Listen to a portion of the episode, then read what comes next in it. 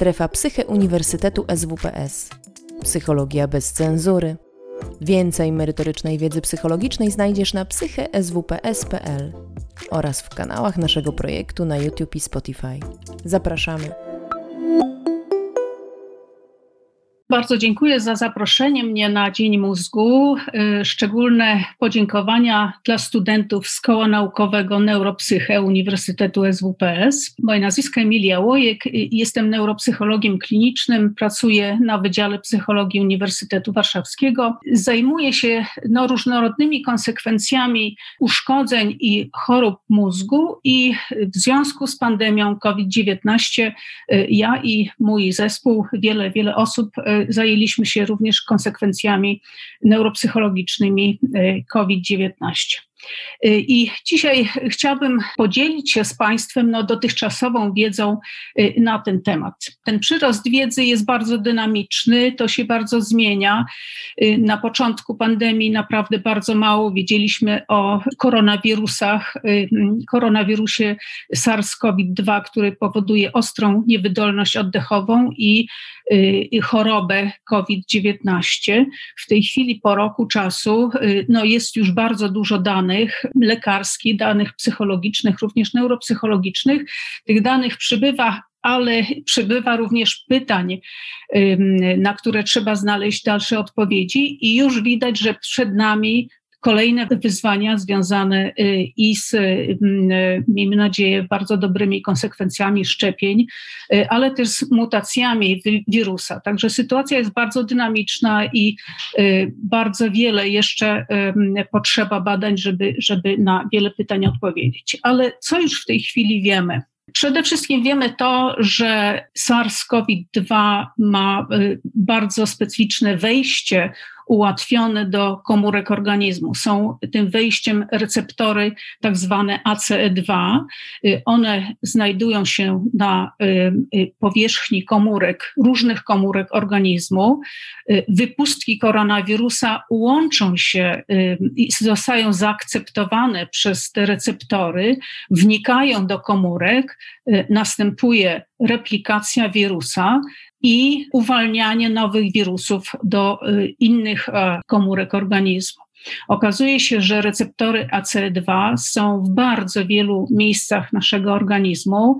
Y, przede wszystkim są oczywiście w płucach, i tutaj te płuca są najbardziej narażone na, na, na problemy związane z y, zakażeniem SARS-CoV-2, który jest y, koronawirusem oddechowym, ale też te receptory znajdują się w takich ważnych organach ciała jak serce, jak nerki, jak wątroba, jak jak jelita. Wirus także przedostaje się do krwi, e, powodując zmiany y, związane z podwyższoną krzepliwością krwi. No i jednym z bardzo ważnych organów, y, do których mózg się przedostaje, y, jest ośrodkowy y, i obwodowy układ nerwowy.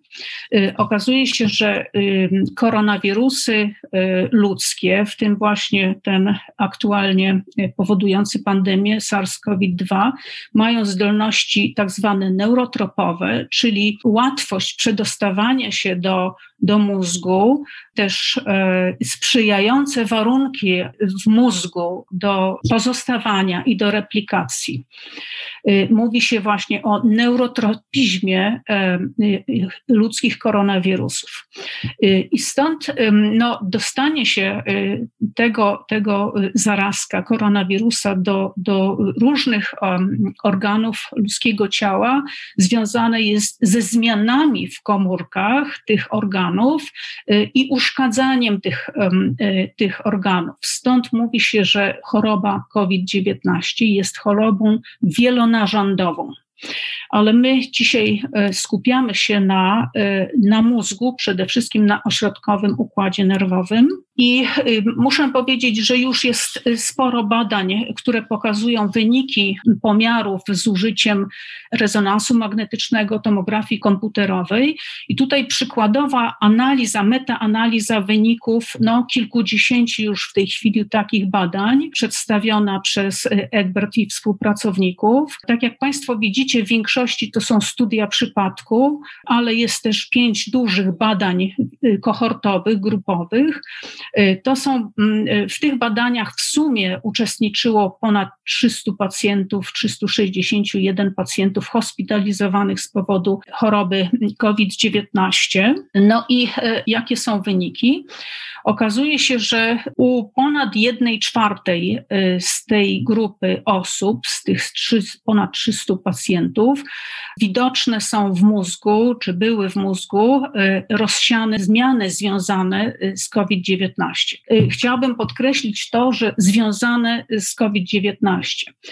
Przy autorze tego, tego opracowania, przy selekcji artykułów kierowali się taką zasadą, że starali się nie brać pod uwagę takich badań, gdzie pacjenci mogli mieć zmiany w mózgu powiązane z jakimiś innymi przyczynami niż COVID-19.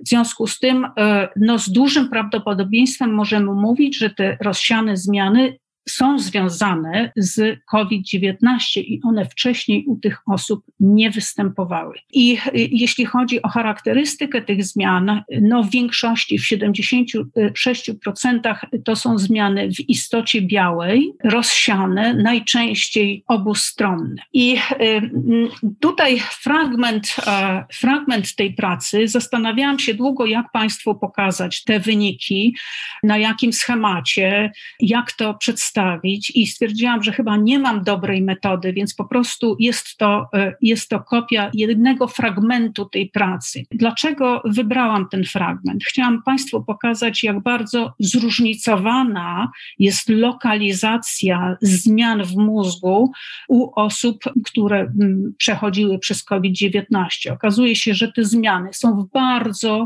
różnych strukturach mózgu. Nie można tak naprawdę wyodrębnić jakiegoś jednego siedliska. Um, mówi się bardzo często o hipokampie, ale, um, ale tak naprawdę tych struktur zajętych przez koronawirusa i przez zmiany związane z koronawirusem jest bardzo dużo. To jest jedna, jedna rzecz. Od, y, y, w zasadzie te zmiany obejmują wszystkie piętra organizacji mózgu, od najwyższej korowej poprzez y, Y, środkowe części mózgu, y, jądra podstawy, y, ale także pień mózgu.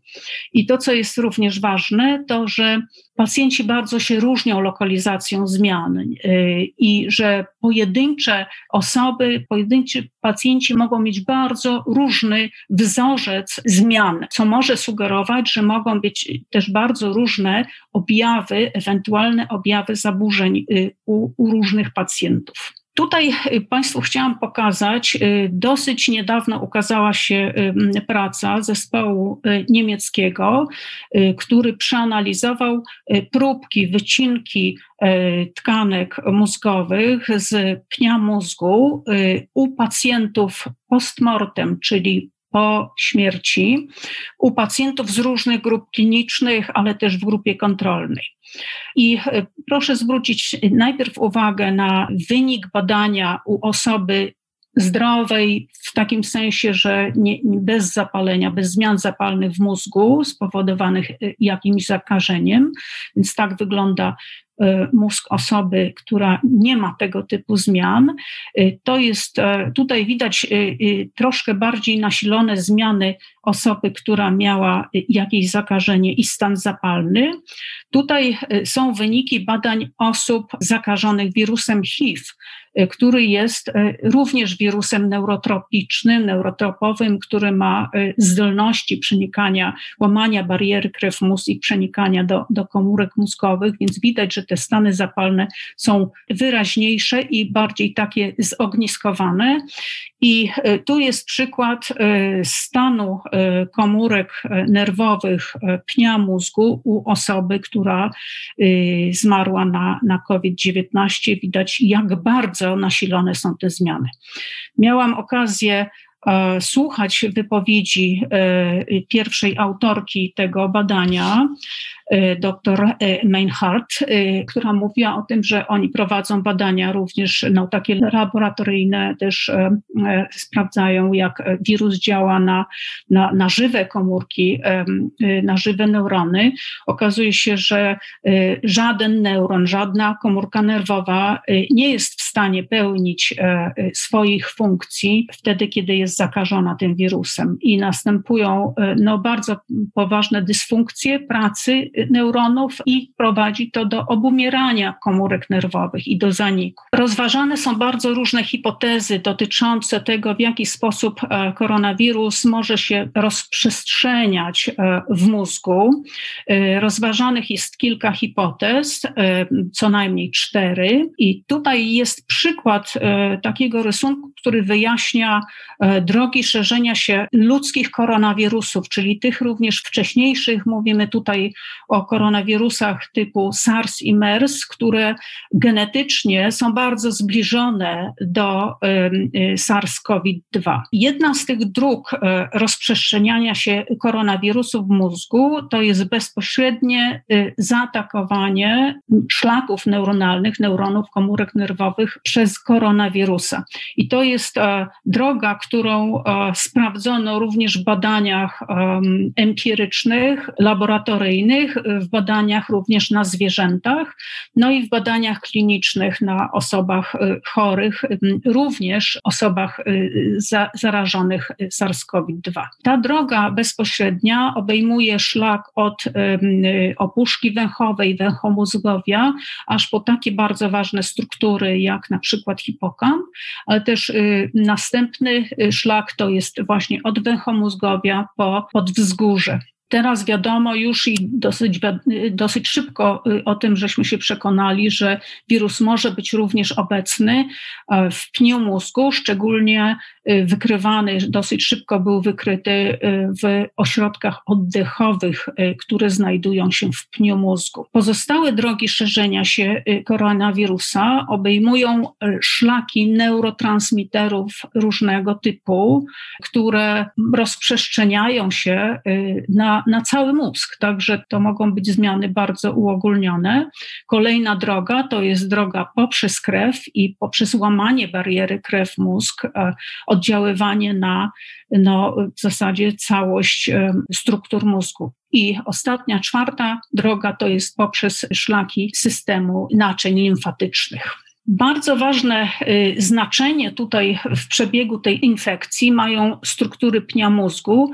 Pień mózgu nie jest zazwyczaj w centrum zainteresowania neuropsychologów klinicznych, ale tutaj y, w przypadku tej, tej choroby y, ma ogromne znaczenie. Wiadomo, że pień mózgu jest taką strukturą, która odpowiada za najbardziej podstawowe biologiczne czynności organizmu, jest bardzo ważny dla życia, dla prawidłowości wszystkich fizjologicznych zjawisk e, i procesów w naszym organizmie. Jest odpowiedzialny za bardzo proste zachowania, odruchy, ale to, co jest dla nas bardzo ważne, dla neuropsychologii, to, że są to struktury bardzo złożone, odpowiadające za e, przesyłanie informacji od wszystkich narządów zmysłów do e, wszystkich ośrodków korowych. Także tutaj dysfunkcja tego obszaru może łączyć się z e, zaburzeniami przetwarzania informacji zmysłowych. Inna bardzo ważna funkcja tego obszaru to jest aktywacja bioelektryczna, to jest wpływ, utrzymywanie napięcia odpowiedniego e, w innych częściach mózgu, a szczególnie e, dla nas interesujące e, w obszarach korowych, a także współpraca z tymi obszarami poprzez informację zwrotną, czyli w zasadzie wpływ i warunkowanie przebiegu wyższych procesów e, psychicznych, myślenia, podejmowania decyzji, e, zachowania złożonych e, czynności człowieka. Jest to, jest tutaj gdzieś jest, jest ta, ta, ta podstawa biologiczna umiejscowiona.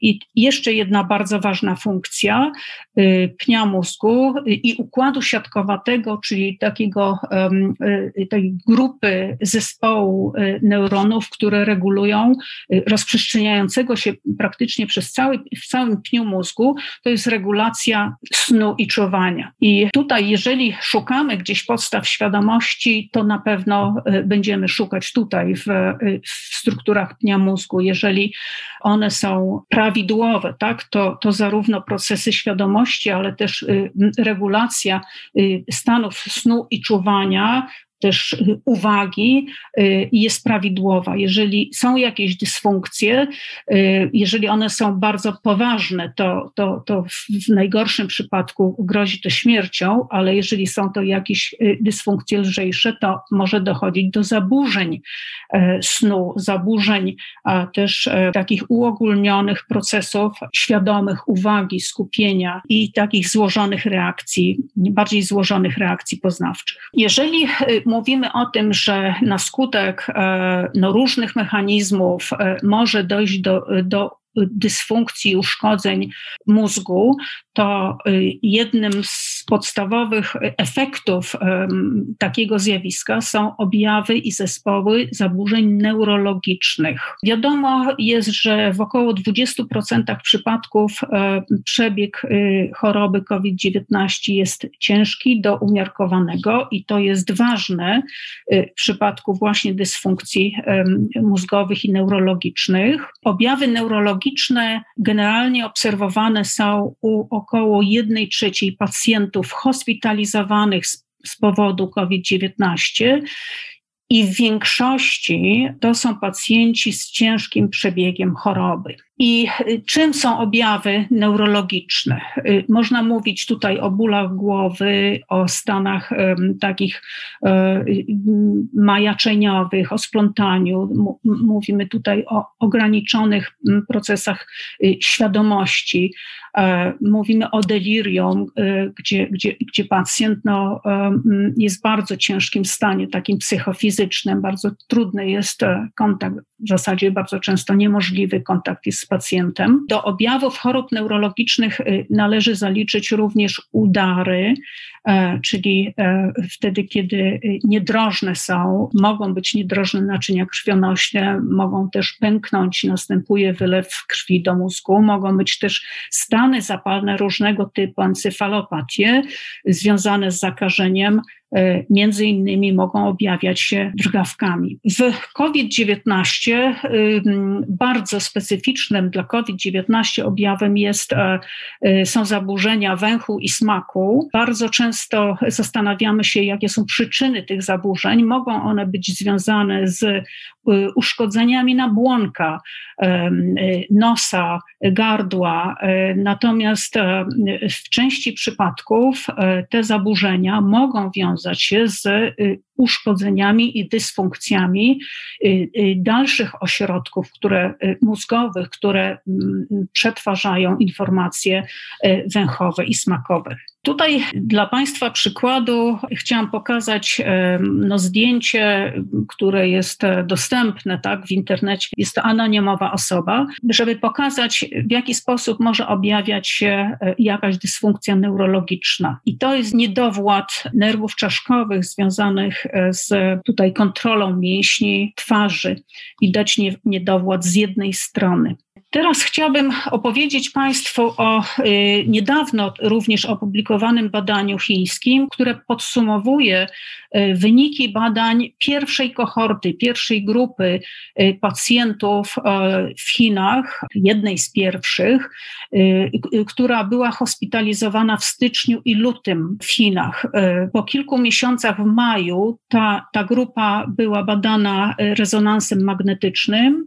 Średnia wieku w tej grupie około 44 lata i na początku ta grupa była no, w zasadzie autorzy mówią, że nie, nie, było możliwości, żeby zrobić badania rezonansowe w tej grupie w styczniu i, i, w lutym. Po prostu y, ci ludzie byli za bardzo chorzy. Natomiast w styczniu i lutym okazało się, że, okazywało się, że ponad 60%, 68% y, pacjentów miało zaburzenia neurologiczne. Y, na całe szczęście w większości, 78%, to były mm, zaburzenia lekkie. W maju po kilku miesiącach połowa, ponad połowa z tych pacjentów wciąż wykazywała zaburzenia neurologiczne w dalszym ciągu lekkie. Jakie były wyniki rezonansu magnetycznego? W maju u tej y, grupy 60 osób, więc y, w tej grupie cały czas widać było uogólnione zmiany, przede wszystkim właśnie w istocie szarej, ale przede wszystkim y, istocie białej mózgu. Największe zmiany obejmowały struktury hipokampa, zakręty Heschla, wieczko ciemieniowe, zakręt obręczy, węchomózgowie, wyspę. To są bardzo ważne struktury odpowiadające za wiele skomplikowanych no, procesów zdolności człowieka. Y, I okazuje się, że pacjenci również skarżyli się na subiektywne odczucia y, i problemy y, z zaburzeniami pamięci, i te, te odczucia subiektywne istotnie były powiązane ze zmianami w tych strukturach, które tutaj są na, na czerwono napisane. To nie, nie, nie można powiedzieć, że to było jakieś systematyczne badanie neuropsychologiczne, natomiast już to pokazuje, że, że odczucia pacjenta, dostrzeganie u siebie problemów, e, na przykład z pamięcią, jednak ma i może mieć e, istotny związek e, z, ze zmianami w mózgu wykrywanymi obiektywnymi metodami e, typu rezonans magnetyczny. Proszę Państwa, cały czas mówię o zmianach e, procesów poznawczych. Tak naprawdę powinnam również, czy mogłabym również zacząć od tego, czym jest neuropsychologia, więc jest to w sumie młoda nauka, tak, i neuropsychologowie zajmują się relacją pomiędzy procesami psychicznymi, rozumianymi jako procesy poznawcze, emocjonalne, e, behawioralne, czyli zachowanie, ale także e, osobowość, a a mózgiem.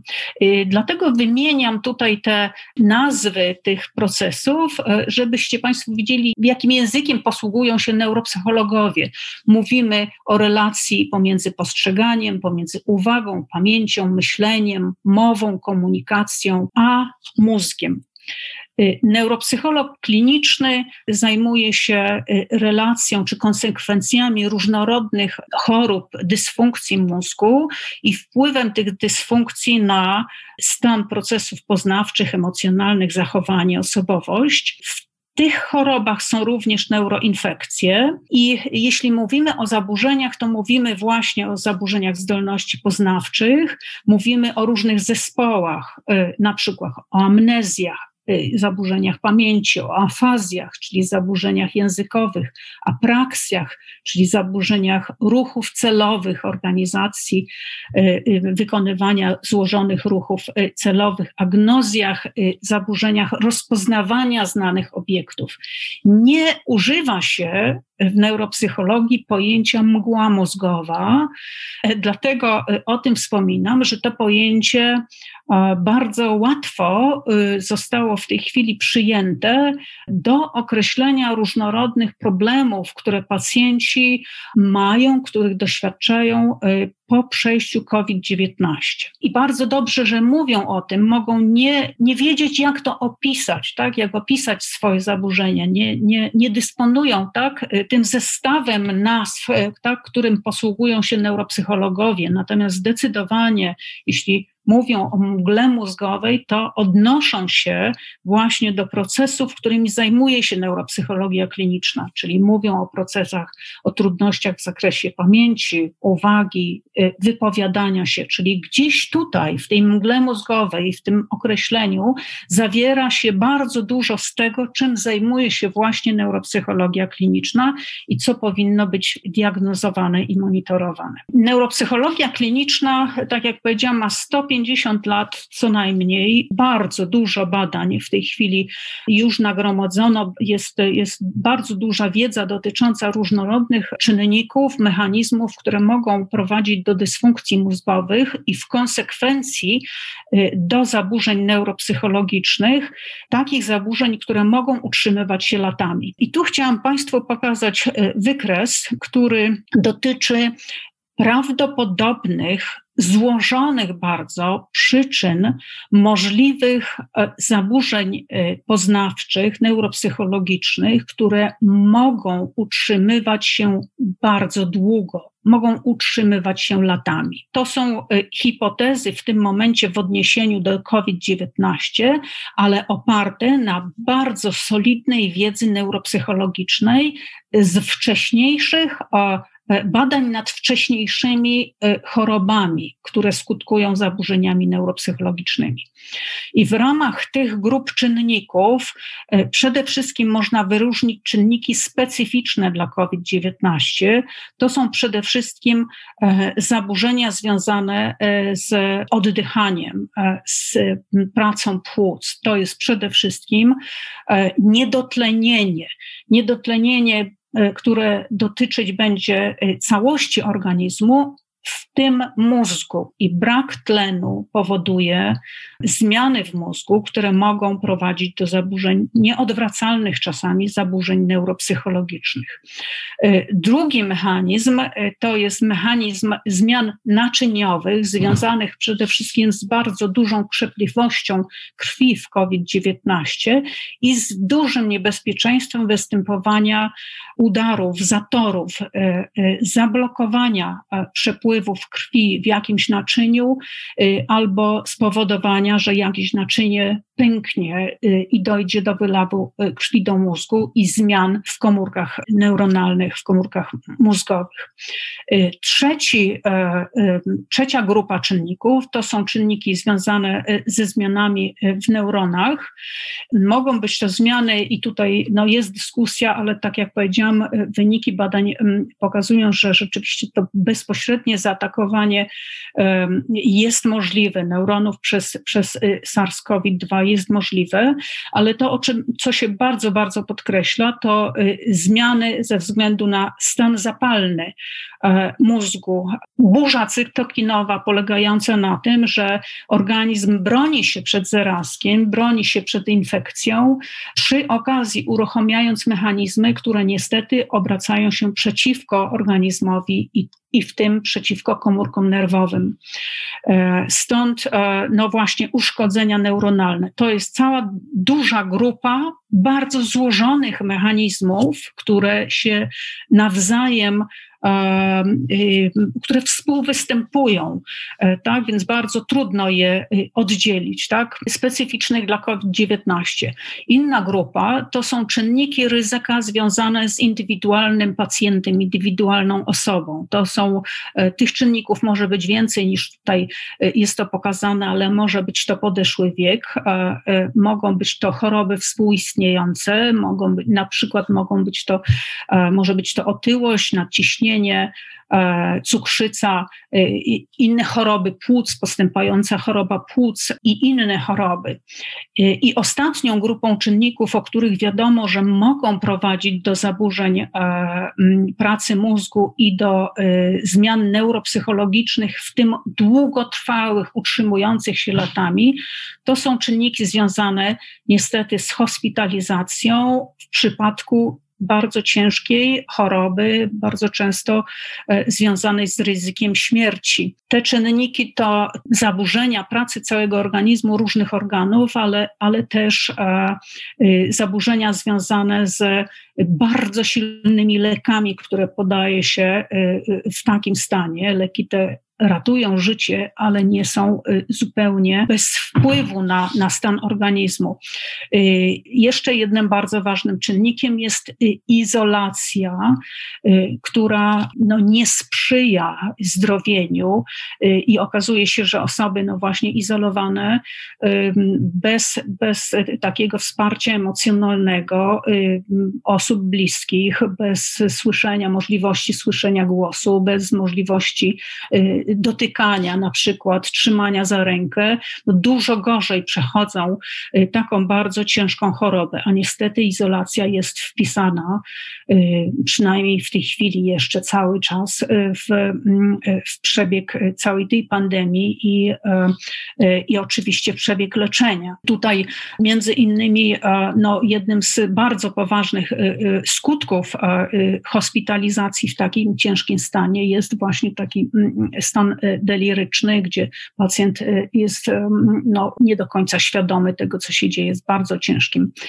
ciężkim stanie psychofizycznym. I przejdę teraz do opowiedzenia Państwu y, o wynikach badań. Jedno z pierwszych badań, to jest badanie francuskie, y, pokazało, y, jaki był stan ozdrowieńców, którzy byli hospitalizowani przy wypisie ze szpitala. I w tym badaniu brało udział 58 pacjentów, którzy no, zostali wyleczeni z COVID-19. Średnia wieku to były osoby starsze y, około 63 lat. W trakcie leczenia byli w ciężkim stanie, byli na oddziale intensywnej terapii. Y, większość z nich miała zaburzenia neurologiczne i y, zbadano u nich stan funkcji poznawczych metodami przesiewowymi, bardzo prostymi metodami, które stosuje się, które stosują lekarze, ale też psychologowie również. Y, okazuje się, że y, u około 1 trzeciej z tych pacjentów, 15 osób na 45, u tych pacjentów zdiagnozowano tak zwany zespół zaburzeń wykonawczych, czyli nie mgła mózgowa, ale zespół zaburzeń wykonawczych. W ramach tego zespołu mówi się o zaburzeniach uwagi, myślenia, o dezorientacji, o trudnościach z wykonywaniem, wykonywaniem bardzo prostych ruchów na polecenie słowne. Proszę zwrócić uwagę, chciałam jeszcze raz podkreślić, że to są pacjenci tak zwani wyleczeni z COVID-19 przy wypisie ze szpitala, czyli lekarz, lekarze stwierdzają, że stan pacjenta jest na tyle dobry, że że pacjent może y, wyjść ze szpitala. I chciałam pokazać przykładowe zadania, pytania, jakie zadaje się pacjentowi właśnie w ramach tego przesiewowego badania funkcji poznawczych. Przykładowe pytanie, czy kamień utonie w wodzie, inne, czy dwa kilogramy mąki ważą więcej niż jeden, albo jeszcze przykładowe zadanie, proszę pokazać dwa palce, najpierw e, jedną ręką, a następnie drugą. I pacjenci, tak jak powiedziałam, 33% osób miało problem z rozwiązaniem tego typu prostych zadań. I tutaj e, chcę Państwu pokazać i opowiedzieć o wybranych badaniach neuropsychologicznych. To są badania, y, jedno jest z Chin, drugie badanie jest z Hiszpanii, e, trzecie badanie jest z Niemiec i wybrałam je w taki sposób, żeby pokazać Państwu wyniki badań e, neuropsychologicznych tuż po wyzdrowieniu, w zasadzie znowu też przy wypisie ze szpitala. Również no, 10 do 35, czy powiedzmy do miesiąca czasu, tak średnio po wypisie ze szpitala i 3-4 miesiące po wyzdrowieniu. I teraz, tak jak Państwo widzicie, te badania, te próby nie są duże, więc to są jeszcze w dalszym ciągu małe, małe liczebności, y, ale są grupy kontrolne. Tutaj mamy 29 osób, tu mamy 35, tu mamy tylko 18.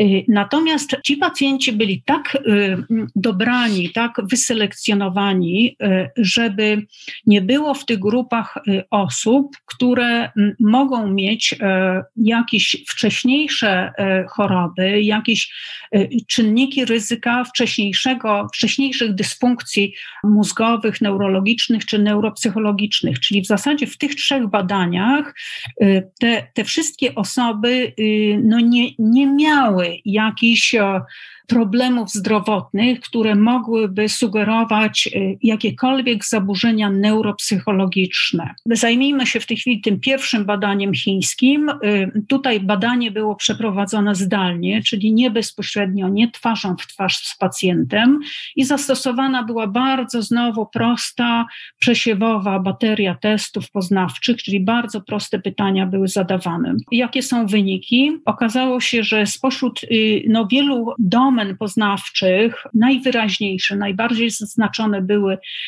problemy z uwagą u tych, u tych osób, a także te problemy z uwagą wiązały się istotnie ze stanem zapalnym, ze wskaźnikami stanu zapalnego. Dane były z badań laboratoryjnych z krwi przy przyjęciu ze szpitala.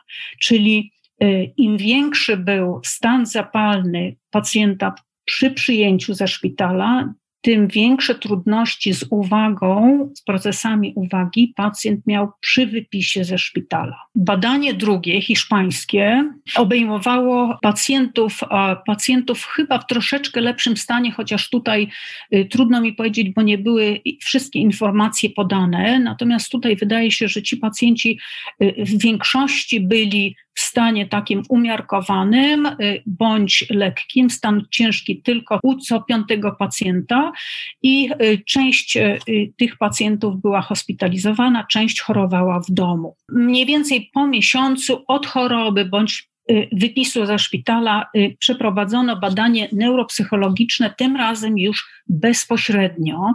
Pacjenci już nie byli w stanie takim, który groził jakimś zakażeniem i zastosowano, wystandaryzowano baterię testów neuropsychologicznych y, i muszę powiedzieć, że badanie takie jest, jest obszerne i, i trwa nawet, nawet może trwać y, kilka godzin. Tutaj, tutaj trwało y, ponad godzinę.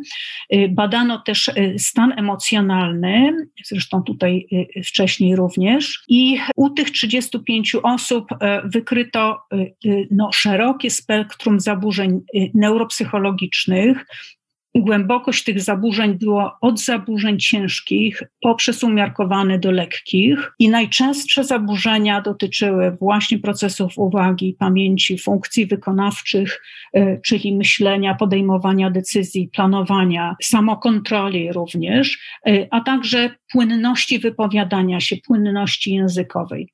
Okazało się, że te e, wyniki w pomiarach neuropsychologicznych miały istotny związek związek z zaburzeniami neurologicznymi wykrytymi u tych chorych, miały także związek y, z y, leczeniem, z podawaniem tlenu. Natomiast nie mogły być tłumaczone, nie miały istotnego związku ze stanem emocjonalnym, czyli to, czy pacjent y, miał jakieś problemy emocjonalne, na przykład obniżony nastrój albo podwyższony lęk, nie miało istotnego związku z wykonaniem obiektywnych testów neuropsychologicznych. I ostatnie e, badanie, na które tutaj chcę zwrócić uwagę, to jest grupa pacjentów, e, z której wykluczono osoby w stanie ciężkim. Czyli tutaj nie ma osób, które przebywały na oddziałach intensywnej terapii, czyli były to osoby, które miały no, y, umiarkowany, lekki raczej przebieg, pomimo hospitalizacji, y, no, nie, nie wymagały przeniesienia na oddział intensywnej terapii. E, też y, jedna trzecia z tych osób była leczona w domu, a część w ogóle miała bardzo lekki przebieg COVID-19. I badania były przeprowadzone kilka miesięcy do czterech miesięcy po wyzdrowieniu. Badania były przez telefon albo bezpośrednio. Tu Tutaj y, nie zastosowano jakiejś dużej, wystandaryzowanej baterii testów, natomiast były to y, badania przesiewowe, czyli znowu bardzo takie, takie proste. Wyniki pokazują, że 78% y, osób z tej grupy wykazywało łagodne zaburzenia poznawcze i te zaburzenia widoczne były w ogólnym osłabieniu procesów poznawczych, a szczególnie znowu uwagi, pamięci roboczej, y, zdolności wysławiania się, zdolności językowych. I znowu nie można było wytłumaczyć tych, tych zaburzeń poznawczych stanem emocjonalnym pacjentów. Chcę teraz odnieść się do, do badania, które, do, do artykułu i badań angielskich, które wzbudzają ogromne kontrowersje w tej chwili, E, i, i od razu wzbudziły. To jest badanie, które e, zostało zorganizowane w związku z takim ogólnonarodowym pomiarem inteligencji w Anglii. Organizowanym przez BBC i wyniki pomiarów inteligencji uzyskano u ponad 84 tysięcy osób. Badania były oczywiście online. Przy okazji również załączono ankietę dotyczącą COVID-19 i objawów zaburzeń związanych z COVID-19. Badania te pokazały, to znaczy z tych 84 tysięcy osób y, tylko ponad 300 miało y, zdiagnozowane i potwierdzone testowo zakażenie SARS-CoV-2 i tylko część, ponad 100 osób z tej grupy przechodziła COVID-19 w domach. I wyniki tego badania pokazały, po pierwsze, że, że zaburzenia w, mm, czy osłabienie funkcji poznawczych y, zdecydowanie jest związane z, z tym, czy ktoś miał potwierdzony y, wynikiem testowym zakażenie SARS-CoV-2, czy nie miał. U osób, które nie miały potwierdzenia wyniku, te zaburzenia no, są dosyć przypadkowe, tak? Natomiast regularnie obniżenie, osłabienie wiąże się właśnie z potwierdzonym zakażeniem koronawirusem. I im głębsze y, zaburzenia y, związane z tą chorobą, tym większe osłabienie poznawcze. I to może byłoby nie takie zaskakujące, natomiast y, to badanie również pokazało, że osłabienie zdolności poznawczych, mierzone właśnie takim testem inteligencji, może być obserwowane również u osób, które były zakażone SARS-CoV-2, ale to zakażenie przechodziły albo bardzo lekko, albo wręcz bezobjawowo. I y, te wyniki są bardzo kontrowersyjne. Y, grupę tych osób bezobjawowych bądź lekko przechodzących, wyniki tej grupy porównano do odpowiednio dobranej grupy kontrolnej osób, które nie były zakażone, i stąd uzyskano wyniki istotne statystycznie. Natomiast y, chciałabym zwrócić uwagę, że cały czas, mimo już w tej chwili kilku miesięcy, odkąd ten, ten, ten artykuł się ukazał w formie reprintu, czyli jeszcze nierecenzowanej pracy, cały czas jest jeszcze nieopublikowany i nie można go traktować jako wskaźnika do jakichś ostatecznych wniosków, czy też jakichś rekomendacji klinicznych. Badania online obarczone są ogromnym ryzykiem błędów. W tych badaniach nie jesteśmy w stanie kontrolować, ani warunków, w jakich są przeprowadzane testy, ani też ogólnego stanu e, psychicznego osoby badanej. E, jest tak dużo zmiennych, które mogą wpływać na, na, na wykonanie testu, że no, te wyniki naprawdę trzeba bardzo solidnie jeszcze, jeszcze sprawdzić. Czyli raczej nie, nie przyjmuje się w tej chwili, nie, do tej pory nie ma, nie ma badań, które by potwierdziły ten wynik e, obniżonego funkcjonowania poznawczego u osób, które lekko e, bądź bezobjawowo przechodziły zakażenie SARS-CoV-2. Natomiast dodatkowe e, takie wyniki badań, które, które są niepokojące, to są wyniki badań e, też laboratoryjnych, ale klinicznych, które wskazują na ryzyko tworzenia się złogów białkowych w mózgu, które są charakterystyczne dla choroby Alzheimera. To są pierwsze bardzo takie no, niekorzystne sygnały mówiące, że być może y, z powodu stanu zapalnego, zmian zapalnych w mózgu może dochodzić do takich procesów no, typowych dla, dla, zmian neurodegeneracyjnych. I to w tej chwili jest, to, to są dopiero pierwsze sygnały, te, te badania y, i te sygnały muszą być zweryfikowane. Y, wiem, że, że już w tej chwili w wielu miejscach, w wielu ośrodkach na świecie badania w kierunku właśnie no, potwierdzenia tej hipotezy na razie są prowadzone.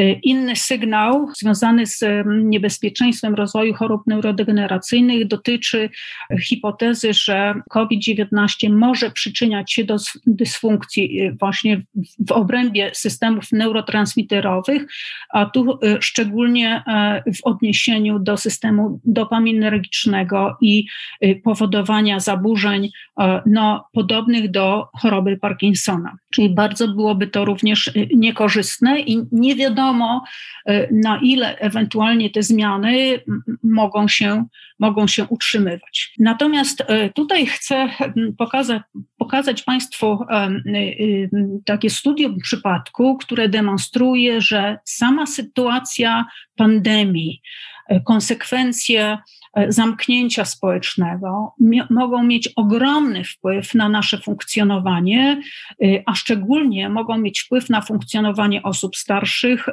albo z jakimiś towarzyszącymi chorobami. I niekoniecznie musi być, no, musi wystąpić organiczne uszkodzenie mózgu, żeby, żeby po prostu no, dużo gorzej funkcjonować. Y, pomimo że no, nie zaszły żadne, żadne fizyczne, organiczne zmiany. Tutaj grupa amerykańska opisała pacjenta, który e, miał 75 lat, no w zasadzie nie pacjenta, bo po prostu świetnie funkcjonującego pana w podeszłym wieku, emeryta, prawnika, autora kilku książek, który przed pandemią żył całkowicie samodzielnie, doskonale społecznie, e, biegał codziennie 3 mile. Ja sobie sprawdziłam, ile to jest. To jest około 5 kilometrów dziennie, także życzyłabym sobie też taki, takich osiągnięć. Pisał pamiętnik, tak, nie miał żadnych objawów demencji, y, otępienia, natomiast miał jakieś delikatne zaburzenia poznawcze, które w obiektywnych y, testach było widoczne. Natomiast był w ogólnym stanie zdrowia, y, miał obniżony nastrój, tak w kierunku depresji, natomiast to było pod kontrolą lekarską. Natomiast po sześciu tygodniach zamknięcia w domu z powodu pandemii, no, wszystkie, e, cała służba e, taka ochrony zdrowia, też opieka zdrowotna została zaalarmowana przez jego najbliższych, przez sąsiadów, e, dlatego że on, u niego no, wystąpiło ogromne osłabienie funkcjonowania w zasadzie we wszystkich zakresach i fizycznym, i intelektualnym, poznawczym, i społecznym. Wykazywał brak samodzielności w zasadzie w podstawowych aktywnościach życiowych, nie, miał trudności ze wszystkim, przejawiał e, objawy takiego poczucia bezradności w zasadzie we wszystkich y, zakresach, y, ogromny wzrost lęku, depresji, zdenerwowania, irytacji, też agresji, ogromne zaburzenia snu i subiektywne poczucie osłabienia procesów poznawczych, y, zweryfikowane obiektywnymi testami, nie potwierdziło, że nastąpiło obniżenie funkcjonowania, natomiast on subiektywnie bardzo źle się czuł te przypadki wymagają właśnie y, dobrej diagnostyki i odpowiedniego postępowania, odpowiedniego do tego, y, co tam się zadziało u tego pacjenta. Następne informacje to taka metaanaliza, podsumowanie danych z y, wcześniejszych epidemii, właśnie SARS i MERS, koronawirusów ludzkich, które bardzo są podobne do, do SARS-CoV-2. Okazuje się, że konsekwencje dla zdrowia psychicznego mogą utrzymywać się po zakażeniu tymi koronawirusami nawet do kilkunastu lat po zakażeniu. I e, w, tym, w tej analizie wzięto e, pod uwagę aż 35 badań nad SARS, gdzie liczba osób badanych ponad 1000 osób, 5 badań e, nad MERS, 140 osób, czyli ponad 1000 osób przebadanych długo po, po, po przejściu zakażenia. Y, I co z tych badań wynika? Że nawet do 12 lat po, po przejściu zakażenia utrzymują się u osób, które przeszły te zakażenia, zaburzenia emocjonalne, czy podwyższony jest lęk, podwyższone są wskaźniki depresji, mogą występować zaburzenia typu euforii, czy takiego bezkrytyczności, podniesionego nastroju, mogą um, utrzymywać się trudności z mówieniem.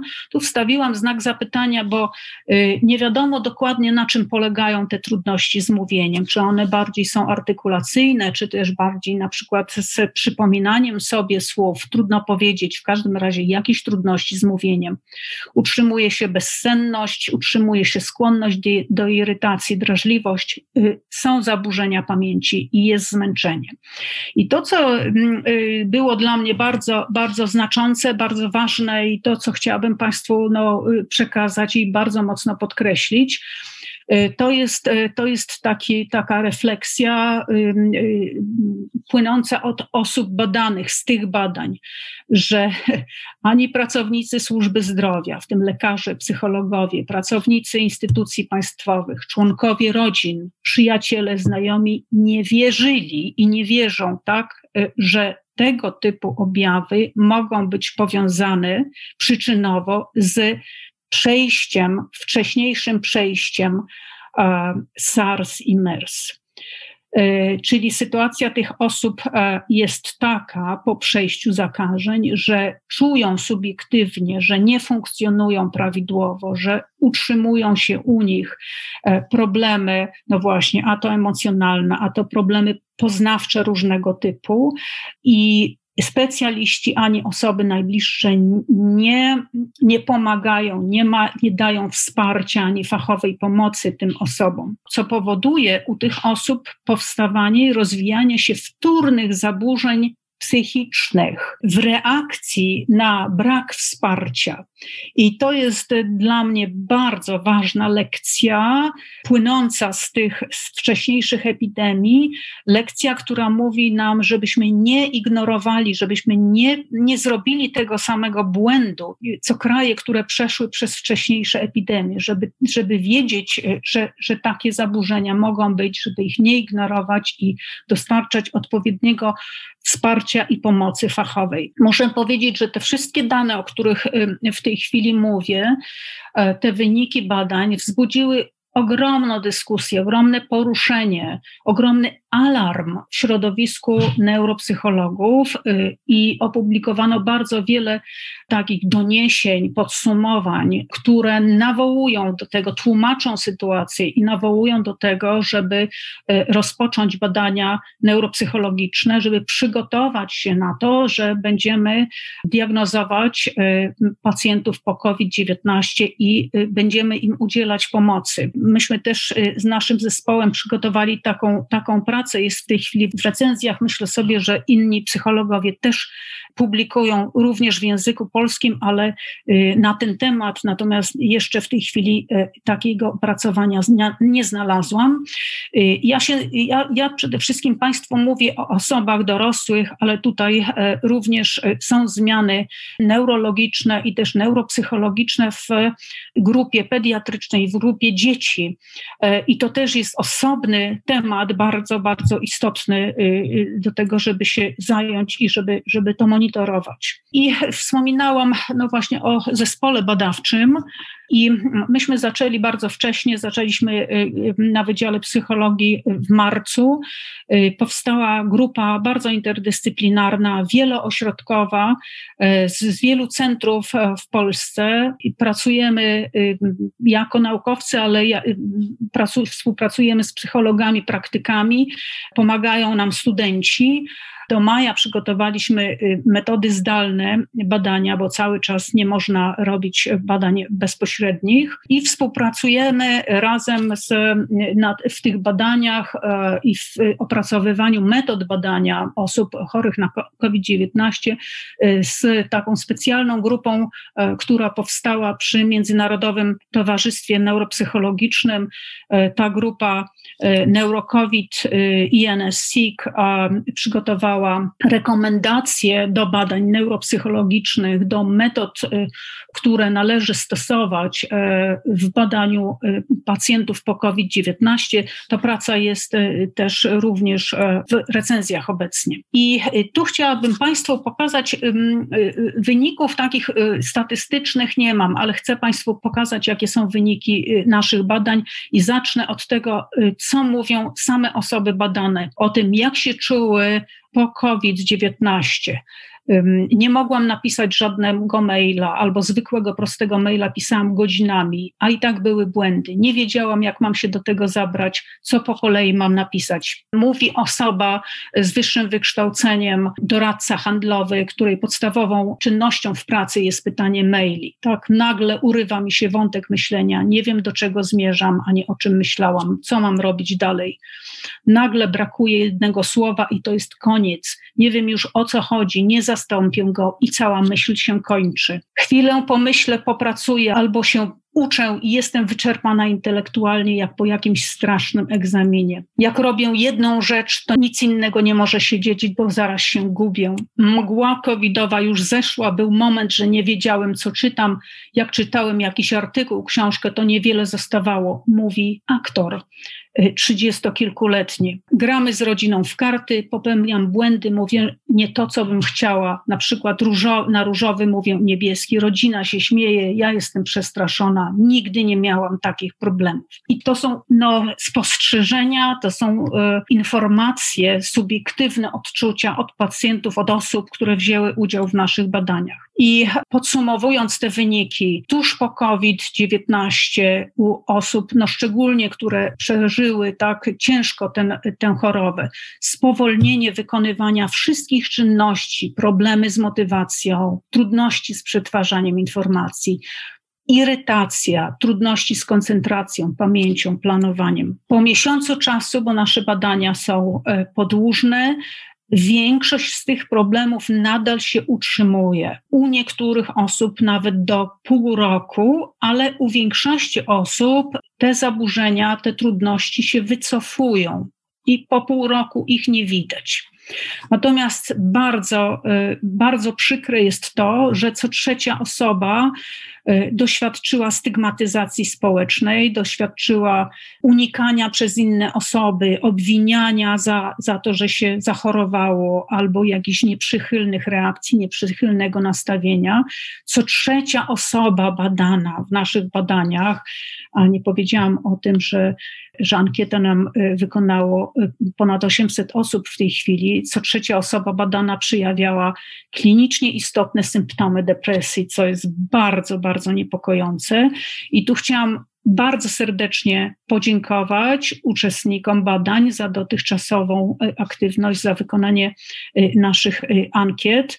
Badanie trwa nadal, także zapraszamy wszystkie osoby, które chciałyby nam pomóc, osoby, które chorowały, nie chorowały, też zapraszamy. Co robić, już kończąc, co robić w momencie, kiedy widzi się u siebie takie utrzymujące się problemy poznawcze albo no, niepokojący stan emocjonalny, obniżony nastrój, jakieś trudności lękowe. Y, przede wszystkim korzystajmy z fachowej opieki zdrowotnej, korzystajmy z tego, że są lekarze, mogą nam poradzić, mogą, nam, mogą nas wspomóc E, i, farmakologicznie, i poradą mogą nas skierować na y, odpowiednie oddziaływania, czy psychoterapeutyczne, czy rehabilitacyjne.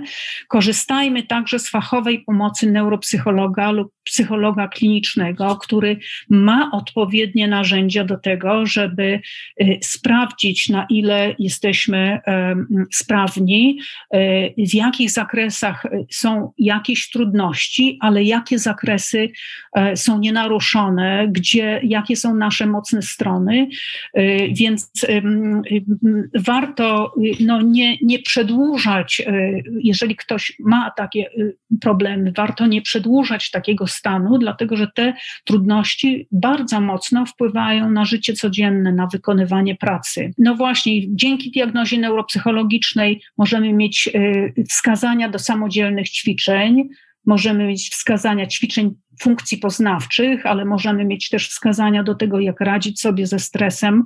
Y, ewentualnie w jakichś trudniejszych przypadkach możemy być skierowani na rehabilitację neuropsychologiczną albo też na psychoterapię. Jakie są wnioski?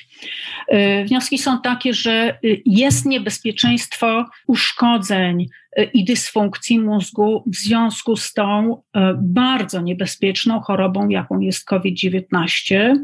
Ciężkie przejście tej choroby wiąże się z y, podwyższonym ryzykiem y, zaburzeń neuropsychologicznych, y, które mogą mieć charakter długotrwały u części osób. Konieczne są dalsze badania. To nie jest wszystko, tak jak powiedziałam, jesteśmy gdzieś w środku poznawania tej choroby, y, tej pandemii, bardzo, bardzo złożonej, y, gdzie splata się bardzo wiele czynników ryzyka, bardzo wiele mechanizmów zaburzeń. Konieczna jest fachowa pomoc medyczna, neuropsychologiczna dla osób, które już przebyły COVID-19, czyli działajmy proaktywnie i mm, otwierajmy się i dostarczajmy tej pomocy, która jest potrzebna. Pani profesor, to było bardzo, bardzo ciekawe. Teraz chciałabym przekazać Pani kilka pytań, które wyszły od naszej publiczności. Przede wszystkim, czy istnieje szansa na regenerację mózgu po przejściu COVID-19 i czy, czy też zmiany spowodowane chorobą są nieodwracalne? Już mówię, rzeczywiście to jest y, ogromnie ważny temat. Y, ja go nie poruszyłam. Wiemy od bardzo dawna, że nasz mózg ma zdolności regeneracji, ma zdolności samonaprawy, tak samo jak każdy inny organ y, naszego ciała te zdolności no, nie są w 100% tak wystarczające. Jeżeli jakieś uszkodzenia są, są głębokie, rozległe, to, to, to mm, no, trudno oczekiwać, że one, że one zupełnie znikną, ale rzeczywiście te możliwości samonaprawy istnieją. E, jest możliwość e, również tworzenia się nowych komórek, zupełnie zdrowych komórek w mózgu, czyli neurogeneza, która jest bardzo ważna dla, dla mm, no, naszego funkcjonowania. Jednym z miejsc, w których następuje tworzenie się nowych komórek, jest właśnie obszar mózgu związany z uczeniem się i pamięcią, obszar hipokampa, czyli bardzo ważne. Poza tym, jeżeli następuje również jakaś taka zmiana bardzo, bardzo y, wyraźna, to mózg ma zdolności plastycznej zmiany, plastycznej reorganizacji funkcji w takim, w takim sensie, że y, obszary nieuszkodzone mogą przejąć y, funkcje obszarów, które wykazują jakieś dysfunkcje i pacjent powolutku wraca do zdrowia, funkcja wraca do Y, do, do, normalności. I teraz trudno powiedzieć, bo nie ma jeszcze w tej chwili badań, ale ja głęboko wierzę, że te zmiany takie mikroskopijne, które mm, Państwu pokazałam na samym początku, te rozsiane zmiany w całym mózgu w istocie białej, że one się u większości osób wycofają, że, że one, one związane są ze stanem zapalnym i y, wycofanie się stanu zapalnego po prostu i wyzdrowienie spowoduje, powoduje usunięcie tych, tych procesów zapalnych i zmian. Natomiast pytanie jest otwarte i nie umiem na nie odpowiedzieć, u ilu procent osób te no, ochronne zdolności e, samonaprawcze mózgu będą niewystarczające. Ale tak y, oczekujemy takich zmian i do w zasadzie do roku czasu po chorobie, każdej chorobie mózgu następuje taki y, okres samoistnej poprawy, zdrowienia, mózgu, zdrowienia organizmu, dochodzenia do równowagi, więc ten, do roku czasu samoistna poprawa y, ma prawo nastąpić i, i powinna nastąpić. Dziękuję bardzo. Kolejny użytkownik pytał, jak możemy wspomóc swój mózg i jego funkcjonowanie, jeśli przyszliśmy COVID-19 i dostrzegamy niewielkie zaburzenia, na przykład gorszy węch czy zaburzenia pamięci i w jaki sposób można wspomóc sobie i osobom bliskim. Jeśli chodzi o węch, to myślę sobie, że tutaj powinni pomóc lekarze. Niespecjalnie mamy doświadczenie tutaj z węchem e, jako neuropsychologowie. Ta choroba raczej nas zaskakuje, chociaż, chociaż już dużo wiadomo o dysfunkcjach węchowych i smakowych w różnych chorobach neurodegeneracyjnych. Te ćwiczenia są nie, nie, nie za bardzo opracowane, także tu myślę sobie bardzo indywidualnie można byłoby przygotowywać takie ćwiczenia, jeśli chodzi o węch i smak. Natomiast jeśli chodzi o pamięć, to jeżeli te zaburzenia są dosyć głębokie, te trudności są dosyć głębokie, one, one w istotny sposób wpływają na funkcjonowanie w życiu codziennym, wykonywanie pracy zawodowej, to, to ja bym proponowała pójść rzeczywiście do, do, do, do specjalisty i zdiagnozować to, zobaczyć, e, na ile te nasze subiektywne odczucia rzeczywiście się potwierdzają w obiektywnych testach, jaki jest zakres tych zaburzeń, dlatego że neuropsycholog no, dosyć wnikliwie może przebadać e, zaburzenia w różnych e, aspektach danej czynności, tak, w różnych zakresach, na przykład pamięci. I taka diagnostyka, takie stwierdzenie, co, co dokładnie jest problemem, jest bardzo potrzebna w wymyśleniu y, jakie są y, zalecenia do ćwiczeń, tak? czyli, czyli dobra diagnostyka w takim sensie, co dokładnie jest zaburzone w, w danym procesie, w procesie pamięci albo w procesie a, jakimś, jakiejś zdolności językowej, a co dokładnie jest zachowane, tak, na czym możemy oprzeć rehabilitację, y, pozwala nam y, tę, tę, tę, rehabilitację ustawić. Natomiast jeśli ktoś nie skorzysta z takiej, y, z takiej możliwości, na przykład nie ma, nie, ma takiej, nie ma dostępu, nie ma szybkiego dostępu do specjalisty, e, to myślę sobie, że warto zaobserwować, w jakich momentach są trudności, na czym one polegają i próbować przygotowywać sobie, mm, no właśnie, wspierać się różnymi metodami, no nie wiem, notatkami, czy komputerem, czy ustawić sobie tak te, te pomoce, tak, żeby one pomogły w takim płynnym wykonywaniu e, zadania, na przykład pamięciowego, żeby coś zapamiętać i powolutku odstawiać te pomoce, tak, żeby również w większym, coraz większym stopniu polegać na własnej pamięci. To, to mogę tak powiedzmy na, na, na gorąco podpowiedzieć. Tak? Natomiast mówię, to są, to są często bardzo złożone rzeczy, w zależności od tego, y, w jakim zakresie są problemy, y, y, tak powinna pójść rehabilitacja. Dziękuję bardzo. Kolejne pytanie to, czy przy każdym zakażeniu koronawirusem następują zmiany w mózgu? Czy e, dotyczy to również tych przypadków, w których e, przebieg jest lekki, bezobjawowy?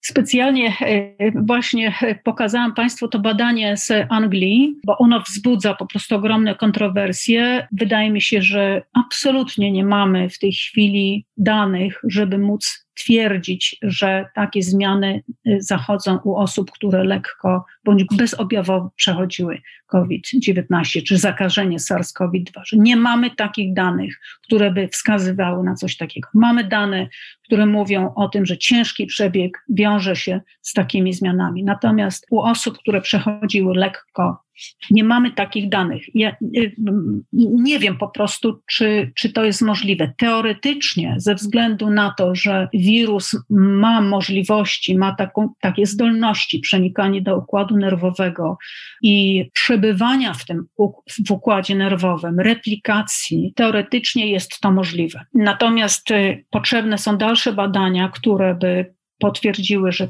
coś takiego ma miejsce faktycznie. Dziękujemy. Jeszcze dwa pytania nam zostały. Czy wirus zwykłej grupy również łamie barierę krew-mózg? A jeśli tak, to jaki ona ma wpływ na e, struktury mózgu w porównaniu z SARS-CoV-2? Nie jestem pewna, czy potrafię odpowiedzieć na to pytanie. Czy łamie barierę krew-mózg?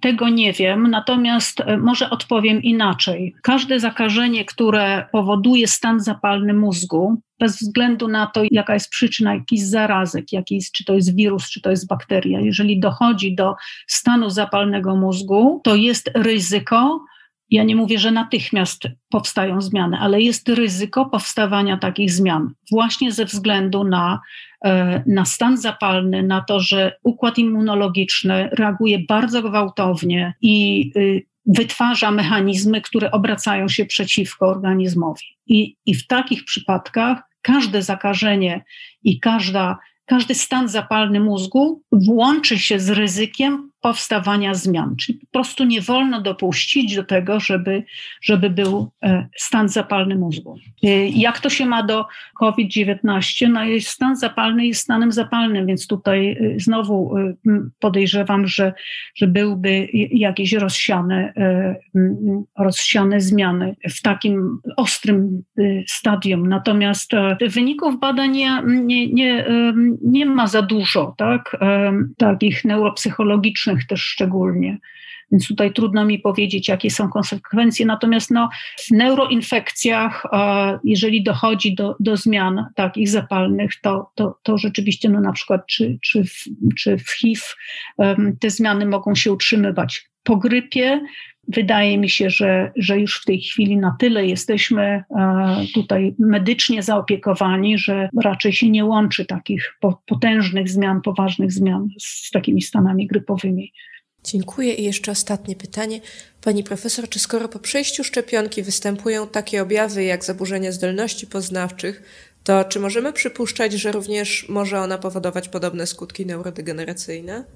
Mam nadzieję, że nie. nie no, y, raczej nie, nie, nie ma tutaj przy, przy szczepionce, jest to objaw taki niespecyficzny, tak, na, na wprowadzenie, e, wprowadzenie szczepionki, natomiast e, ja nie znam badań, nie ma chyba takich badań w tej chwili, które by mogły dać odpowiedź na to pytanie. Ja mam nadzieję, że nie i że nie, że te objawy, które są po prostu nie, czy podwyższona gorączka, osłabienie, takie osłabienie ogólne, tak, psychofizyczne, które y, nie pozwala normalnie funkcjonować, również poznawczo. To jest stan, który po prostu mija, wiąże się z bardzo ostrym, bardzo ostrą reakcją na szczepionkę, ale, ale myślę, że nie, nie powoduje, nie powinno powodować i nie powoduje żadnych tego typu ubocznych, długotrwałych skutków i zresztą nie, nie ma żadnych danych na, na ten temat. Ja wiem, że nie wszyscy wierzą tak, w to, że, że jeżeli nie ma danych, to nie ma zaburzeń, ale, bo to jest bardziej taka teoria spiskowa, ale, y, ale po prostu nie, raczej, raczej bym tego nie łączyła. Natomiast danych takich y, solidnych, twardych, no nie ma na ten temat jeszcze. Dobrze, bardzo dziękujemy pani profesor, bo było bardzo ciekawe i podające do myślenia też y, w temacie chronienia się przed wirusem. E, także jeszcze raz bardzo dziękujemy za, za wygłoszenie dla nas wykładu. Bardzo dziękuję Państwu za uwagę.